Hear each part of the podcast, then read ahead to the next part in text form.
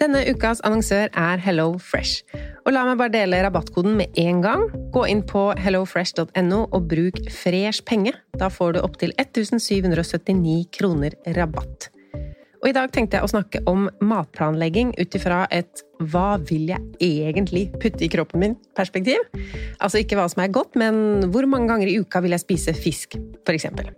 Og med Hello Fresh-appen så er dette så fint. Du velger bare ut fra en liste hvilke fem eller fire eller tre middager du vil spise uka etter. Og så kommer matkassa til deg på døra. Og du trenger ikke å tenke noe mer på hva du skal spise.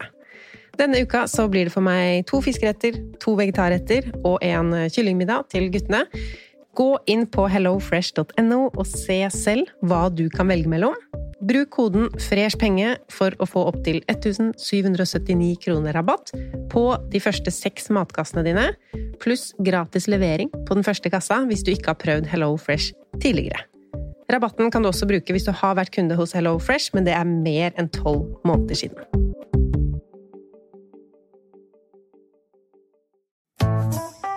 Har du et enkeltpersonforetak eller en liten bedrift? Ikke det? Nei. Nei, men da holder vi det enkelt og gir oss her. Fordi vi liker enkelt. Fiken superenkelt regnskap. Velkommen til Kjemperådet! Vi har fått inn et kjempeproblem her. Jeg leser. Jeg er på ferie med familien. Det er gøy, bortsett fra at jeg har gips på begge beina. Kan ikke bade eller dra noe sted. Jeg føler meg veldig begrenset. Hilsen begrenset far. Begrenset far trenger ubegrensethet. Yes. Ja, Kanskje ubegrenset data fra 399 med familierabatt hos Telenor? Ja, det løser jo alt! Bortsett fra det med badingen, da. Se nye mobilabonnement på telenor.no. Yes!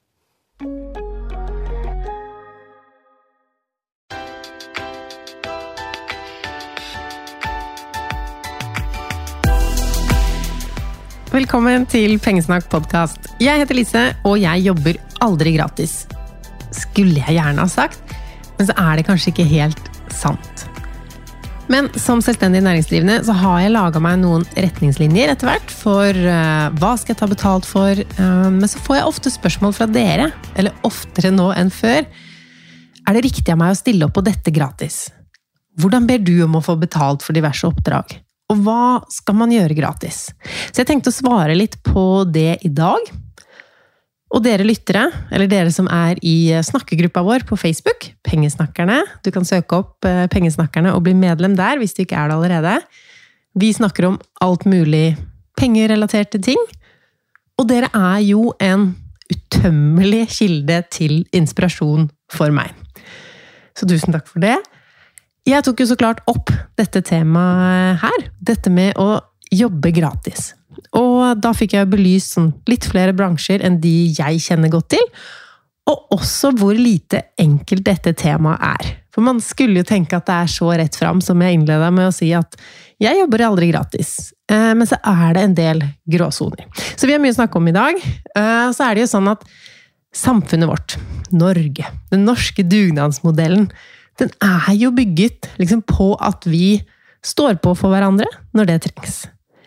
Så denne episoden handler ikke om at man skal si nei til å hjelpe til, altså verken for venner eller veldedighet, men det handler om å ikke godta det når noen andre forventer at du skal gjøre jobben din, eller noe annet du er god på, gratis. Og hvis du jobber som lege, fysioterapeut eller en type håndverker, eller sikkert ganske mange andre yrker også, hvor mange har du i din krets som ber deg om å ta en rask titt på noe? Altså, er det familie eller nære venner, er det kanskje greit, men har du noen som bare ringer til deg som kiropraktor når de har en uh, låsning i ryggen? Du kan jo be dem møte deg på kontoret, eller der du nå jobber. Eller si at du må ta det i arbeidstida, eller dette tør jeg ikke å ta ansvar for hvis jeg ikke har tatt en helt ordentlig sjekk, som jeg gjør med de vanlige pasientene mine, eller husene, hvis det er en håndverkerting. Eller at du skal gjøre det i arbeidstida. Jeg har en god venninne som er frisør. Hun elsker hår og jobben sin. Og vi hadde ikke vært venner lenge da hun sa bare at hun klipper aldri eller farger hår på fritida.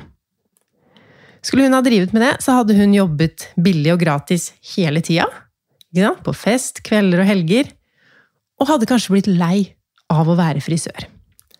Så hun gir rabatt til venner og familie, men det må komme i salongen. For da bevarer hun inntektsgrunnlaget sitt, og hun er ikke med på Hva heter det? Når man gjør sitt eget yrke mindre enn verdt enn det det er. Men aller, aller viktigst bevarer sin egen arbeidsglede. Og det er jo mer enn greit. Det er kjempebra.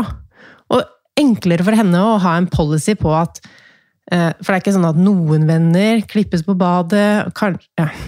Så det kan være en løsning om du også har en sånn type yrke som mange tenker du ikke har noe imot å gjøre døgnet rundt. Og så må vi andre faktisk bli flinkere til å respektere. Selv gjorde vi det her. Eh, altså, vi gjorde ikke dette her. Eh, nå for et par helger siden, fordi vi var på hytta, og da skulle Tom bare sjekke noe på varmtvannssprederen, for det var noe som ikke funka. Og så begynner det å sprute ut varmt vann. Og han får ikke stengt igjen den krana, eller skjønner hvordan han skal kunne stenge den igjen. Så jeg bytter bøtter, det spruter fortsatt vannet ut, eh, og Tom ringer så klart til en rørlegger vi kjenner. Men ikke en vi kjenner så godt at det er riktig av oss å bruke hans tid. Skjønner du?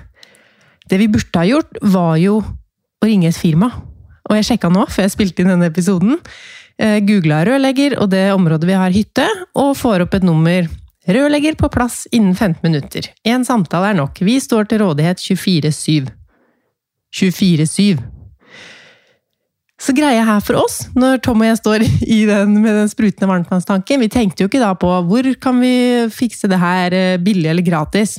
Vi ville jo gitt hva som helst for å stoppe den spruten. Men første tanke var kjenner vi noen rørleggere? Hvem kan hjelpe oss nå? Så takk for hjelpen, hvis du hører på podkasten. Det tok jo bare noen minutter. Men uansett, vi skulle ha ringt et firma. Vi skulle ikke bedt deg om å jobbe på en søndag. Fordi han hadde jo ikke noe valg, ikke sant? Det spruter vann ut her, og det er varmt, hva skal jeg gjøre? Han kunne jo ikke si 'nei, du, dessverre, nå'. Så eh, litt det med å ha respekten for andre. Men du som har kontorjobb, 8 til 16, hvorfor har du på pling på telefonen din når du får e-post? Og hvorfor sjekker du Teams og mailer på kvelden? Pandemi, hjemmekontor og også fleksitid før det, det har jo noen fordeler. Helt klart. Du kan gå tur på formiddagen hvis du vil heller legge inn en halvtimes jobb på kvelden istedenfor. Eller du kan rekke å hente i barnehagen uten at uh, hele korthuset ramler. Si. Um, og så legge inn litt jobbing på kvelden. Du kan tilpasse arbeidsdagen på en helt annen måte enn uh, de som jobber på en fabrikk, f.eks. De kan ikke forlate linja. Men det med hjemmekontor og fleksitid, det fører også til noen uh, feller som ja, Kanskje blir det feil å kalle det å jobbe gratis, men med mindre du har en rolle som krever det, eller du blir kompensert på det på noe vis, så er jo det å arbeide utenfor arbeidstid å jobbe gratis. Og da snakker jeg ikke om sånn planlagt, at du har tatt fri i arbeidstida, og så tar igjen. Um, men at det blir en vane. Og det er jo ikke bra for deg personlig, eller egentlig for andre heller. Fordi når du er flink, flink i anførselstegn, og svarer på noe på kvelden, så er det jo noen som får det svaret. Pling! Så sjekker de mobilen, kanskje åpner PC-en. Hva er denne mailen her? Og mange sånne mailer er jo ikke noe man egentlig får gjort noe med før dagen etter arbeidstida. Og det er derfor jeg tenker det er et så godt tips å ikke ha mailen på mobilen. Iallfall ikke med pling. Kanskje muligheten for å logge inn når det er i din interesse. Men si du får en mail på kvelden. Du leser den, du begynner å stresse, tenke, løser problemet. Eh, men da må du også huske på de smarte tankene du tenkte da, til neste dag når du får svart eller skal gjøre noe med det. Hvor mye bedre er det ikke da å heller vente til neste dag og ikke vite om hvilke arbeidsutfordringer som eh, står der? Hvis du er et sånn geni som bare lar underbevisstheten løse oppgaven uten at det stresser for deg, så kan du bare sjekke i vei, men mange av oss er ikke bygd sånn. Og vi trenger ikke å vite om de mailene før neste dag, når det faktisk er arbeidstid, og vi får betalt for å jobbe. Noe som går an, da, hvis du eh, Det anbefaler jeg både deg som har en 8-4-jobb, kontorjobb, eller jobber for deg selv. Det er å utsette sending hvis du jobber på kveld. Si du jobber en kveld og tar et skippertak og svarer på en del ting, eller sender ut forespørsler. Altså masse e-poster involvert. Eller bare én, for den saks skyld. Så kan du sette innstillingen sånn at den sendes i morgen tidlig kvart over åtte, for eksempel. For da slipper du både å plage folk på fritida, andre folk, eh, men så viser du også fram Hvis du sender den på kvelden, da viser du fram at du er tilgjengelig døgnet rundt. Sender du mail på kvelden, svarer folk på kvelden, eller de kontakter deg, så vet jo de etter hvert at du er på, du, til alle døgnets tider. Og da, selv om dette er en ukultur mange steder, så har du da satt deg litt i den fella selv. Og ja, jeg veit at noen jobber krever det, men om det ikke er deg Jobb i arbeidstida, fri på fritida. Hvordan syns du det høres ut? Er det noen grep du kan ta for å faktisk få en bedre sånn balanse? Det tror jeg i hvert fall er veldig sunt. Selv om jeg selv jobber kveld et par ganger i uka. Men jeg kan jo også gjøre hva jeg vil på dagtid. Ingen som teller timer på meg. Og så tar jeg helt fri hver eneste helg. La oss hoppe inn i Facebook-gruppa og um, en kommentar fra altså Den første kommentaren som kom inn da jeg spurte dere om det med å jobbe gratis. Av prinsipp jobber jeg aldri gratis. Det er lite solidarisk overfor arbeidslinja og kollegaer. Over tid vil det svekke tariffer og inngåtte avtaler, og gjøre det vanskeligere å opprettholde disse. Jeg er gjerne fleksibel og stirrer opp når det trengs, men lønn skal jeg ha. Så her er det flere ting. Eh, jeg er veldig enig i det som blir sagt om solidaritet. Man har så lett for å tenke at man er grei hvis man sier ja. For ja-mennesket er jo positivt, det er bra. Nei-mennesket negativitet, dårlig. Men det stemmer jo ikke i det hele tatt. Selv om det er fint at vi sier ja til å bidra, så er det ikke alltid bra å si ja. Vi kan ende opp med å si ja til for mye, og som den personen skrev her, det er ikke bra for bransjen din heller. Og sånn tenker jeg også nå når jeg blir bedt om å holde foredrag gratis, f.eks. Jeg jobber som foredragsholder, så jeg kan ikke holde foredrag gratis. Det går jo bare ikke. Men så er det jo en god sak, eller en forening, en del av en bra kampanje, en sårbar gruppe. nå tenkte jeg på flere argumenter med en gang her, men for det første, det er jobben min. Og da må jo jeg mene, selv først og fremst, at et foredrag med meg, det har en verdi. Hvis jeg gir bort det gratis, så sier jeg jo, eller viser i hvert fall veldig tydelig, at det ikke har en verdi. Verdien er null. Og da mister jeg en del av jobben min som jeg syns kanskje er det aller mest gøye. Men så må jeg også huske på signalene jeg sender ved å gjøre det gratis. Både til arrangør Ja, dette er en gratis vare som gjør at um, andre foredragsholdere på samme arrangement eller neste år arrangement vil forventes å stille opp gratis. Og det er jo ikke noe hyggelig gjort av meg. Og man kan jo tenke sånn Dere som følger meg, vet jo at jeg tjente masse penger i fjor. Eh, og kan da tenke at det er unødvendig å fakturere for alt, eller jeg trenger ikke et honorar for å stille opp her og der.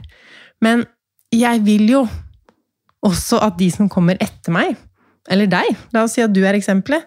Jeg vil jo ikke bare lære deg å spare penger, investere penger, men kanskje også tjene penger. Og da blir det jo helt krasj med mine verdier å gjøre det vanskeligere for deg å ta betalt for en jobb du gjør og legger mye i, fordi jeg gir bort den samme greia gratis. Det handler jo også om respekt for hverandre, hverandres tid, jeg kan anbefale linker under her til en artikkel skrevet av eh, Lene Elisabeth Eide. Hun er gründer av eh, Clean Cup, tror jeg den heter, en menskopp. Og hun blir bedt om å snakke om kvinnehelse gratis på lukkede arrangementer. Typisk 8. mars nå. Og hun mener at damer ses på som grådige hvis de ber om honorar. Så jeg linker til denne artikkelen, så kan du se. Og det skjer jo ofte. Det ser jeg også, at man blir bedt om å stille opp på noe, og så nevnes det ikke noe honorar. Da kan man jo fort bli litt sånn usikker. Men istedenfor å spørre eller lure eller anta at de ikke vil betale, eller anta at de betaler veldig mye, så svarer jeg typisk noe sånt som Det vil jeg veldig gjerne, bla, bla, kanskje noen tema, og så hva det koster. Eh, Men til og med nå, på selveste kvinnedagen, ble jeg bedt om å jobbe gratis. Og det var litt rart, fordi det var en organisasjon som først hadde sendt meg en e-post noen uker før og sier at de vil ha meg til å snakke på sitt arrangement. Veldig kult. Og jeg fikk lyst til å dra dit, jeg. Og så spør de i første e-post hvis du kan, hva vil det koste? Så jeg svarer hva det vil koste, og får da til svar 8. mars, den perfekte dagen å be kvinner jobbe gratis på. Vi har dessverre ikke noe budsjett for foredrag. Men vi kan tilby deg overnatting, mat og festen på lørdag. Og at du får betalt reiseregning. Du skulle selvsagt få lov å promotere deg selv og solgt bøkene dine der. Eh, bare en liten side note på det. Hvis det er et arrangement med 50 deltakere, og jeg skal promotere bøkene mine etter jeg har snakka altså det generelt en sånn dårlig salgspitch å snakke en time om sparing, og så prøve å selge noe? Um, så det er jo sjelden jeg selger så mange bøker på arrangement. Um, men la oss si at 10% der skulle kjøpt boka mi, da. Da ville jo det blitt hele fem personer. Forfattere tjener jo sånn 13% på en bok, så det blir jo akkurat under 40 kroner per bok. Fem salg, 200 kroner, da. For å tilbringe en helg borte. Så dette her er ikke for å henge ut akkurat dem, for som Lene skriver i sin artikkel, dette her skjer hele tiden. Men da vil jeg be deg om Tenk deg om før du ber andre jobbe gratis. Hadde du stilt opp gratis, og i så fall hvorfor, og hva er dine tanker rundt det? Og også for å støtte deg som blir bedt om å jobbe gratis, i at så klart skal du si nei. Også om du får promotert deg selv, men det skal vi snakke mer om, for det er jo en av de gråsonene, da. Men ok, jeg har jo personlig reflektert mye på det her eh, med betaling, som man jo egentlig må som selvstendig næringsdrivende. Um, og har havna i situasjoner der um, jeg må tenke på det, eller svare for det med en så rar jobb som jeg har, da. For spørsmål. Hvor mye fikk du for å stille opp i det TV-programmet? Du blir rik fordi du er så mye i avisa. Man får ikke betalt for å stille opp på et intervju. Ikke direkte, men for meg eh, som har min egen business, jeg kan jo hevde at indirekte gjør jeg kanskje det, ved at jeg får publisitet som gjør at flere finner fram til pengesnakk, og som gjør at vår gjeng blir større, flere som hører på podkasten, flere følger på Instagram osv., og, og at det da blir enklere å skulle selge ting. Nå selger jo jeg sjelden noe til dere, men eh, å ta betalt for ting. Jo, jeg solgte jo nettopp noe. Å, dette passer det kanskje å snakke om nå. Frossen februar. Min utfordring til deg om shoppestopp i februar kunne man jo i år gjøre på to måter. Enten bare gjøre det, eller bli med i en liten klubb som jeg laget for de som ville gå all in. Og det hadde jo flere hensikter. Altså De som meldte seg på, fikk et hefte, sider med skjemaer, tips, oppgaver som skulle gjøre det enklere å ikke kjøpe unødvendige ting, men også å spare penger framover i tid. Og vi hadde vår egen gruppe med oppfølging, fordi noe av det jeg ser er viktig for en god forbruksfri periode, er nettverk. Det kan holde med en samboer eller venn som gjør det samme, men vi var altså en hel gruppe. I tillegg så er det jo sånn at når man har betalt for å være med på noe, så forplikter man seg litt mer overfor seg selv til å oppnå resultater. På en helt annen måte enn når man tenkte ja, ok, kan jo alltids prøve. Så derfor har dere også sett mindre om Frossenfebruar i mine kanaler i år. Vi har holdt praten til de som er mest interessert. Men det ligger nå en video på YouTube-kanalen min om hvordan det gikk for oss. 28 dager eh, med forbruksfri. Om vi holdt det lave matbudsjettet vi satte oss, på 3000 kroner. Og hvorfor vi røyk på en kjempesmell. Som jeg jo snakket om forrige uke i podkasten, men jeg glemte å fortelle slutten. For det var altså verre enn at vi dro på McDonald's og lada bilen. Jeg legger en link i episodebeskrivelsen for deg som er nysgjerrig, eller vil teste din egen eh, shoppestopp. Men til temaet jobbe gratis, da tok jeg jo betalt for en fil og et medlemskap. Og det var det noen som reagerte på. Altså, Én ting er jo ironien, som jeg jo så klart så selv. Betale for å ha shoppestopp. Det blir jo helt bakvendt, og det er lov å mene det. Men det er også lov å lage et produkt For de som vet at de får et bedre resultat. Sparer mer ved å ha ressurser og støtte. Hvorfor tok jeg opp dette? For å forsvare meg? Eh, husker ikke. Samme det. Jo, det var vel det. Det meste av innholdet mitt er jo gratis, og kommer til å være gratis. Jeg vil jo heller eksempel her i podkasten reklamere for tjenester og ting som jeg liker, som dere kan ha utbytte av, for å holde podkasten gratis, enn å ha den bak en betalingsmur. Men at jeg eh, gjør mye gratis, lager innhold på alle ulike kanaler, så er jo ikke det grunnen nok til at jeg da må gi bort alt gratis. Men tilbake til at man ikke får betalt for å stille opp til intervju. Det var det vi skulle snakke om. For meg så er det publisitet. Og hallo, jeg elsker å snakke om penger og sparing, så det er gøy. Spennende, og blir jo smigra òg. Journalister vil spørre meg om ulike ting. Jeg har også lest at eh, medier mangler kvinnelige kilder ofte. At menn sier lett ja til å bli intervjua, mens kvinner oftere sier nei. Så jeg sier stort sett ja, hvis jeg har kapasitet og har litt peil på det temaet jeg skal snakke om, da. Så da handler det litt om samfunnsansvar. Og det kan jo faktisk plutselig gjelde deg også. Selv om du ikke har din egen bedrift, eller trenger eller ønsker publisitet, eller har blitt bedt om å stille opp i intervjuer hittil i livet. For det kan jo plutselig skje noe. Um, har du hørt på podkasten min i noen år, så husker du kanskje at jeg greide å forgifte meg selv og mannen min Eh, trolig med cyanid. Er ikke helt klart hva det var, men det var bønner som jeg ikke hadde kokt, fordi de skulle i en kald rett. Og jeg hadde bare bløtlagt dem i et døgn. Eh, men altså en liten tabbe som kunne kosta min eldste sønn livet. Eh, og som var rimelig skummelt for Tom og meg også. Når de på akuttmottaket ikke ville ta meg inn fordi de ikke vet hva de skal gjøre med hva jeg nå har gjort, og etter hvert så har de giftinformasjon på telefonen og prøver å berolige meg ved å si at du er i de beste hender, men det er så tydelig da, at de ikke vet hva de skal gjøre. Eh, det var skummelt, jeg husker ikke alt, og jeg sa til mamma etterpå at de drev med alfabetet.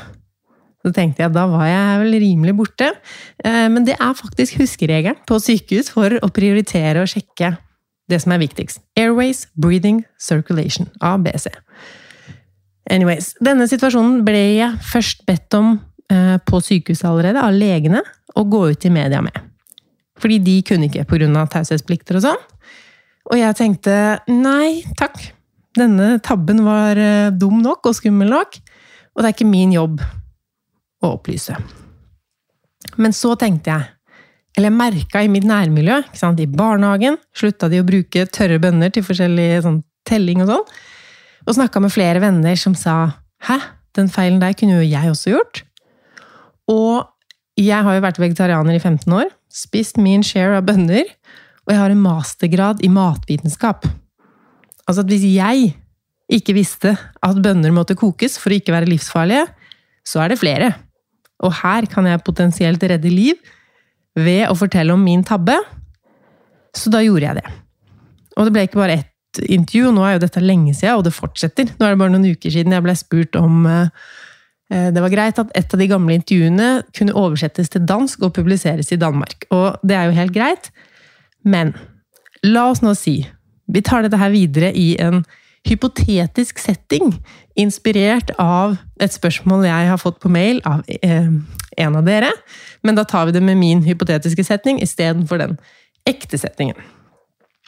fordi plutselig så kan det jo være noe som skjer med deg, som gjør at du har enten havna i media, eller stått fram i media, eller noe sånt. Og plutselig kan det da være et firma som vil bruke deg i sin markedsføring. At du skal stille opp på et intervju, som vanlig, snakke om hva som skjedde, men at de da har en løsning, eller bare skal vise fram sitt produkt. Eksempel ferdig kokte bønner på den andre siden i avisa. Så jobben du gjør, er jo akkurat den samme. Du stiller opp til intervju fordi du vil opplyse folk om faren. Men forskjellen her er at noen plutselig har gjort markedsføring av det. Dette skal du ha betalt for. Det tar meg egentlig tilbake til min eh, fortid som eh, modell. Hvis ditt ansikt brukes i kommersiell sammenheng, og her er det jo ikke bare ansikt, her er det jo hele storyen, det skal det betales for, mener jeg. Men la oss si at det lages en konferanse da, om eh, forgiftning av tørre bønner. Og jeg blir spurt om å delta på en paneldebatt eller intervjues der. Da er vi over i en gråsone hvor jeg også syns det er litt vanskelig å vite sånn helt sikkert. For jeg har jo f.eks. stilt opp på en del sånne ting når det gjelder å minimere klesforbruk. Fordelen med kapselgarderobe. Fordi det er noe jeg brenner for, så har jeg stilt opp gratis. Og er det egentlig riktig? Mitt fremste kompass der er jo kanskje avsender. Er det Legeforeningen som skal ha det arrangementet, eller er det en matprodusent? Sant? Og hvis det er mer enn et intervju eller en paneldebatt, hvis det blir mer sånn at du skal forberede et innlegg og holde på denne konferansen, da er det helt klart jobb. Dette skal du ha honorar for, uansett arrangør. Og la meg si noe om promotering av seg selv òg, fordi det er jo en grunn til at mange jobber gratis, og et argument for at folk ikke trenger å lønne deg. Dette er bra eksponering for deg. Men hvis det er et lukka arrangement for noen sine kunder, så er jo ikke det bra eksponering for deg. Og hvis dette er jobben din, eller en del av jobben din, hvilken del av den eksponeringa skal du betale strømregninga di med? Altså, tiden de tar fra deg, er tiden du kunne brukt på å tjene penger et annet sted. I fjor, nei, det må ha vært i 2020, jeg takka i hvert fall nei til å holde et gratis foredrag, og syntes egentlig det var ganske kjipt. Fordi det var et sted jeg hadde lyst til å være, men jeg jobber ikke gratis. Ikke med å holde foredrag, siden det er liksom en, en del av uh, businessen min. Og noen dager etter at jeg takket nei, så fikk jeg tilbud om uh, en annen jobb. Et annet foredrag. Samme dato. Som jeg derfor kunne takke ja til. Så moralen der, for meg, ble ikke jobb gratis om det ikke gir deg noe. Eller tenk veldig nøye rundt alle aspekter og konsekvenser av å jobbe gratis. Så jeg skal ikke si at det med å få vise seg fram og øvd ikke har noen verdi. Altså, det gjorde jeg jo masse som modell. Måtte jo øve på å gå og få tatt noen bilder som man da kan vise fram for å få andre jobber senere. Eh, og sånn er det jo for fotografer og flere andre også. Man må ha noe å vise til for å bli vurdert for betalte jobber. Men det betyr jo ikke, hvis du er fotograf, da, at du skal fotografere gratis i alle dine venners bryllup, med det store etterarbeidet det også er, eller ta med bandet ditt for å spille gratis, hvis du ikke ser noen verdi i det for dere selv. Da kan man heller gi en rabattert pris. Men hva med sånne um, internships? Det har jo alltid vært uh, ubetalt erfaring i motebransjen, og ja, mange andre bransjer òg. Litt på samme måte som man har praksis i andre typer utdanninger, bare at man må skaffe seg den uh, internship, altså den plassen selv. Og det ble jo rabalder, vet ikke om du fikk med deg. Holtzweiler lyste jo ut en ubetalt stilling for litt siden. Eh, men de var raskt ute igjen og hevde at den skulle aldri vært publisert, og at dette var helt feil. Men dette er jo i andre land, og også i Norge, inntil nå. Tydeligvis har det nettopp skjedd en endring her, da. Men dette var jo helt normalt.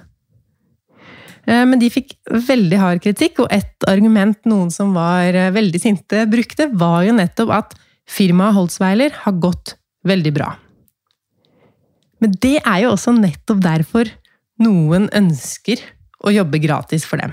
Fordi man kan lære så mye som er gull å ta med seg videre. Enten videre i motebransje eller når man skal bygge seg opp selv. Men det er tydeligvis gammeldags nå, og det er jo bra, for da får man betalt for jobben man gjør. Jeg tenker også at det er forskjell på litt og ingenting. Altså det er ganske stor forskjell fra helt ubetalt til eh, en symbolsk sum, eller at man i hvert fall får noe.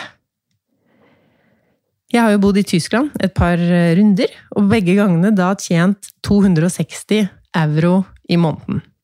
Så 2500 kroner. Men da hadde jeg også kost og losji inkludert.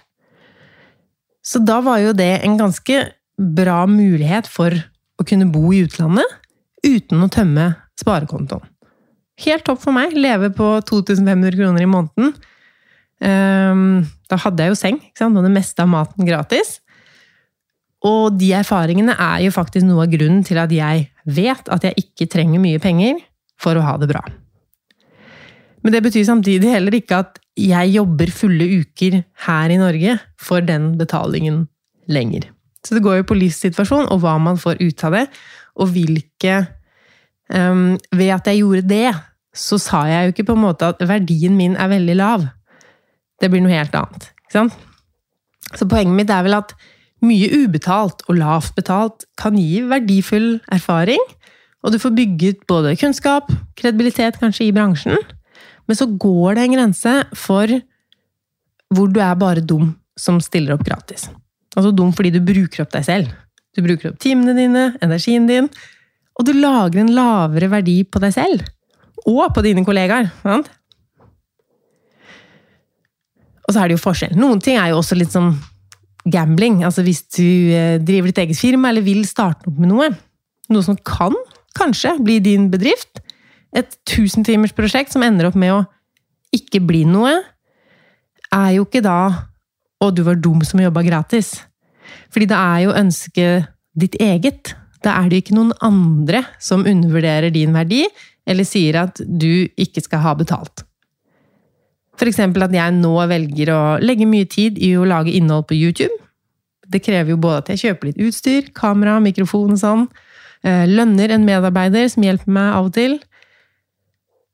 Jeg elsker å lære, men det er jo et minusprosjekt. Men det tar tid, ikke sant? Selv om at akkurat nå utgiften er større enn inntekten. Så da sier ikke jeg nei, jeg nekter å jobbe gratis, så det her skal jeg bare legge ned. Jeg velger jo selv å ha det som hobby. Samme da jeg starta podkast.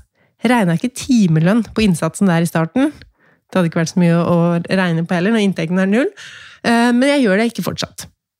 Så det blir en litt annen diskusjon når det er snakk om egne firmaer. Eh, men husk på da at om noen andre mener at du ikke er verdt å få betaling, det er da jeg syns det begynner å skurre, og da går det på din egenverd også etter hvert. Nå vet jo ikke jeg akkurat hva slags jobb du har, eller om du er et talent som snart skal slå igjennom eh, med et eller annet. Og det er vanskelig å vite sin verdi. Det er jo det, ikke sant? Man må jo prøve seg litt om, um, i starten. Men det å jobbe gratis, det er noe helt annet enn å ta for lite betalt og teste seg fram og prøve og feile litt. Og de som vil at du skal jobbe gratis, de har jo argumenter som virker veldig fornuftige når de sier det, kanskje. Men hvis du prøver å slakte dem litt, eller hvis du er en som er i sånne her situasjoner, tenk at jeg står ved siden av deg, hva ville Lise sagt? Eh, eksempel når argumentene er sånn ja, men vi har dårlig økonomi i firmaet, dette har vi ikke noe budsjett til, eh, du må vel ønske å hjelpe en gründer som sliter. Ja, det vil du jo, men samtidig nei. Hvis dere er gründer som sliter, veit hvordan det er, hvorfor vil dere da føre det videre til neste ledd, og la meg, som også er en gründer, øh, jobbe gratis for dere? Det er noe som blir feil, og som skurrer, hvis man tar seg tid til å tenke gjennom de argumentene igjen, og finne ut hvorfor gjør jeg dette her? Er det virkelig så mye verdi for meg å gjøre det gratis? Så er dette noe du har reflektert over? Er dette noe i din eh, bransje eller hobbybransje, eller noe du har eh, møtt på eller tenkt over, eller hva er riktig pris? Er det riktig å gjøre det her gratis? Kanskje bare med en gang man tenker den tanken, skal jeg virkelig gjøre det her gratis? Så er kanskje svaret nei. Ehm, forhåpentligvis har du noen du kan spørre, noen som er i samme bransje, eller som har lignende type erfaring.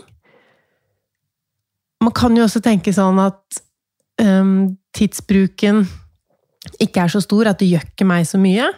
Men den tiden kunne du jo brukt liksom på faktisk veldedighet. Dugnad i borettslaget, barnehagen, idrettslaget, eh, hva som helst. Istedenfor å bruke opp deg selv og arbeidsgleden din på å ikke få betalt for jobben du gjør. Legg gjerne inn eh, noe på eh, Facebook-gruppa hvis du har kommentarer eller innspill eller synspunkter på det jeg har snakka om i dag. Jeg ønsker deg en fin uke. Mer pengesnakk finner du på Instagram og YouTube-kanalen min.